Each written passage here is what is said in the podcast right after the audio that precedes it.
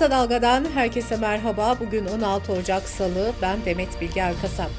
Gündemin öne çıkan gelişmelerinden derleyerek hazırladığımız Kısa Dalga bültene başlıyoruz. Sanatçı, gazeteci ve yazarların da aralarında bulunduğu 864 kişi Türkiye İşçi Partisi Hatay Milletvekili Can Atalay hakkındaki hak ihlali kararının uygulanmaması üzerine Meclis Başkanı Numan Kurtulmuş ve milletvekillerine mektup yolladı. Mektupta Yargıtay'ın tutumuna destek olunmaması istendi. Yerel seçimler yaklaşırken gözler İstanbul'da. AK Parti İstanbul'da %5 civarında oyu olduğu düşünülen Yeniden Refah Partisi'ni ikna etmeye çalışıyor. T24'ten Eray Görgül'ün haberine göre Yeniden Refah'ın İstanbul ve Ankara desteğine karşı Konya Büyükşehir Belediyesi'ni istediği öne sürülüyor. CHP ise DEM Parti'nin İstanbul'la ilgili vereceği kararı bekliyor. İstanbul'da Ekrem İmamoğlu'nun karşısına güçlü bir aday çıkarmak isteyen İyi Parti kulislerinde ise Buğra Kavuncu'nun adı ön plana çıkıyor.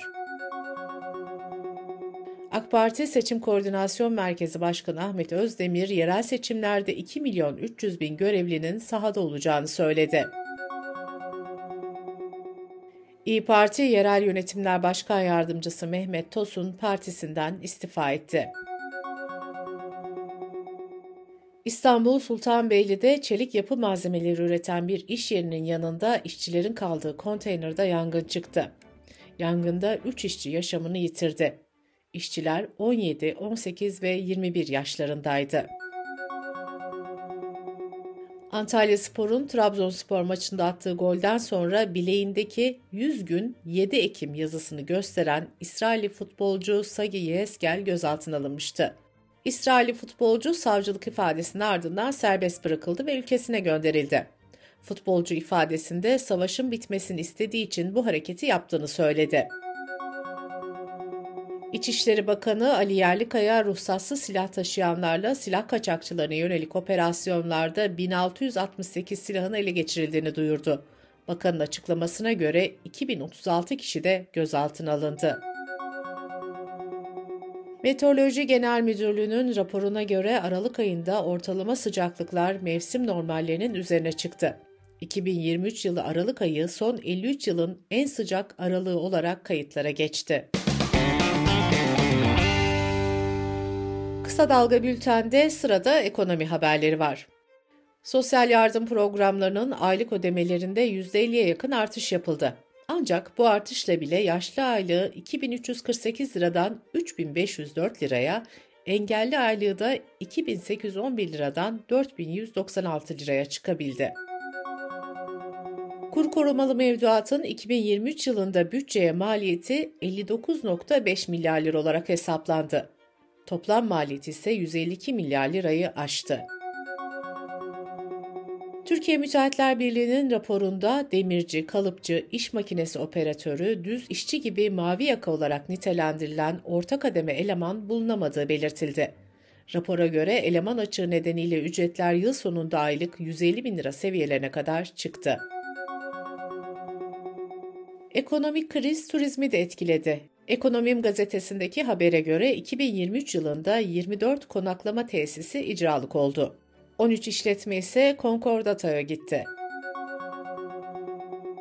ABD ve İngiltere'nin Yemen'deki Husileri vurması Gazze Savaşı Orta Doğu'ya yayılıyor endişesini artırdı. Petrol fiyatlarının Mart sonu ya da Nisan başında 110 dolara çıkacağına dair spekülasyonlar yapılmaya başlandı. Bu arada Katar, Kızıldeniz üzerinden gaz sevkiyatını da durdurdu. Dünya genelinde yoksullarla zenginler arasındaki makas daha da açılıyor.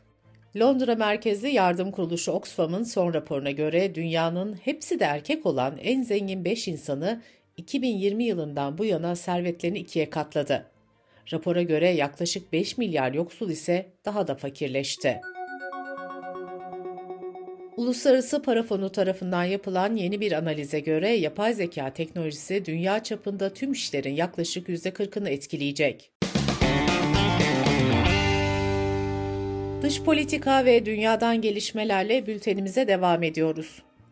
İsrail'in Gazze şeridine 7 Ekim'den bu yana sürdürdüğü saldırılarda öldürülenlerin sayısı 24 bin yüze yükseldi. İsrail Doğu Kudüs'ün Eskişehir bölgesinde yaşayan 200 Filistinliye kendi evlerini veya evin bir bölümünü yıkmaları için ihtar gönderdi. ABD ordusu Yemen'de Husilerin kontrolündeki bölgeden fırlatılan ve Kızıldeniz'deki bir savaş gemisine hedef alan füzeyi düşürdüğünü açıkladı.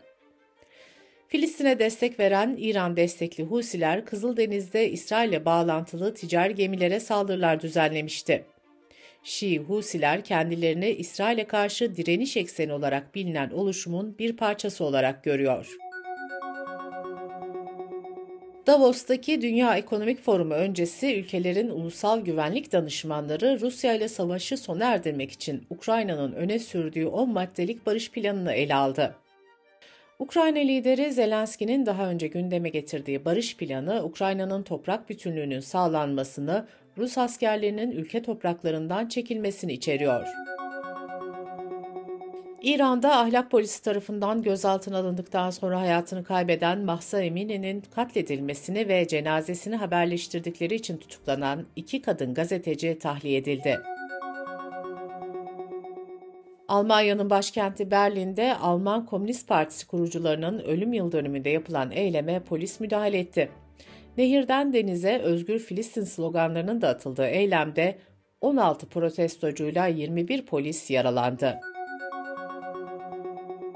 Fransa'da göç politikasının sıkılaştırılmasını protesto edenler 43 kentte eylem yaptı ve yasanın geri çekilmesini istedi. Söz konusu yasa göçmenlerin aile bireylerini Fransa'ya getirmelerini ve sosyal yardım almalarını zorlaştırıyor. Tayvan'daki seçimleri ülkesinin Çin'den bağımsız olmasını savunan Lai Ching-te kazanmıştı.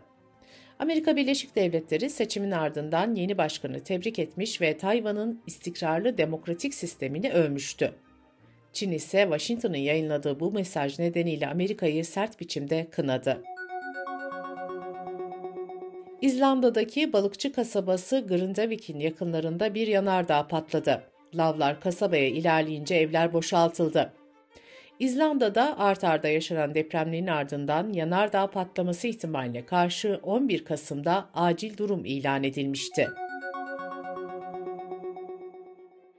Brezilya'nın Rio de Janeiro şehrinde sel nedeniyle 11 kişi hayatını kaybetti, kentte OHAL ilan edildi. Fransa'da etkili olan kasırga nedeniyle bir kişi hayatını kaybetti ve 100 bin evin elektriksiz kaldığı bildirildi.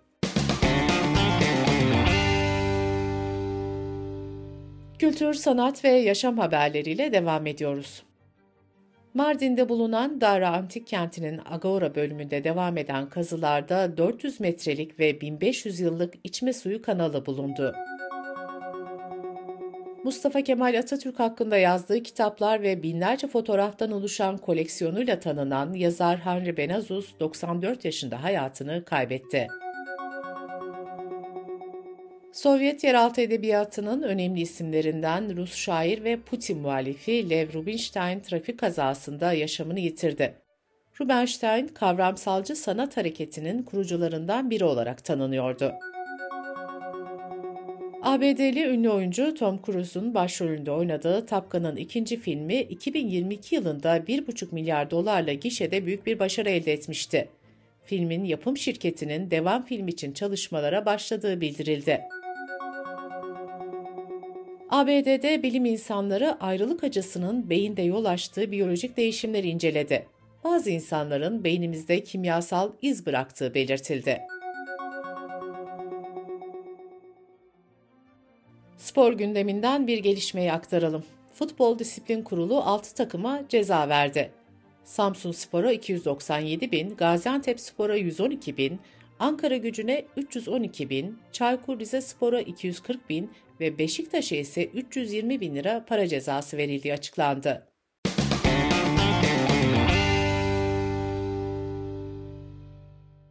Bültenimizi kısa dalgadan bir öneriyle bitiriyoruz.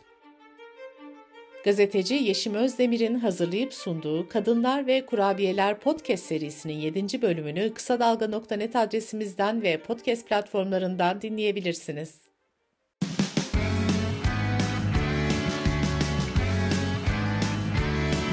Kulağınız bizde olsun. Kısa Dalga Podcast.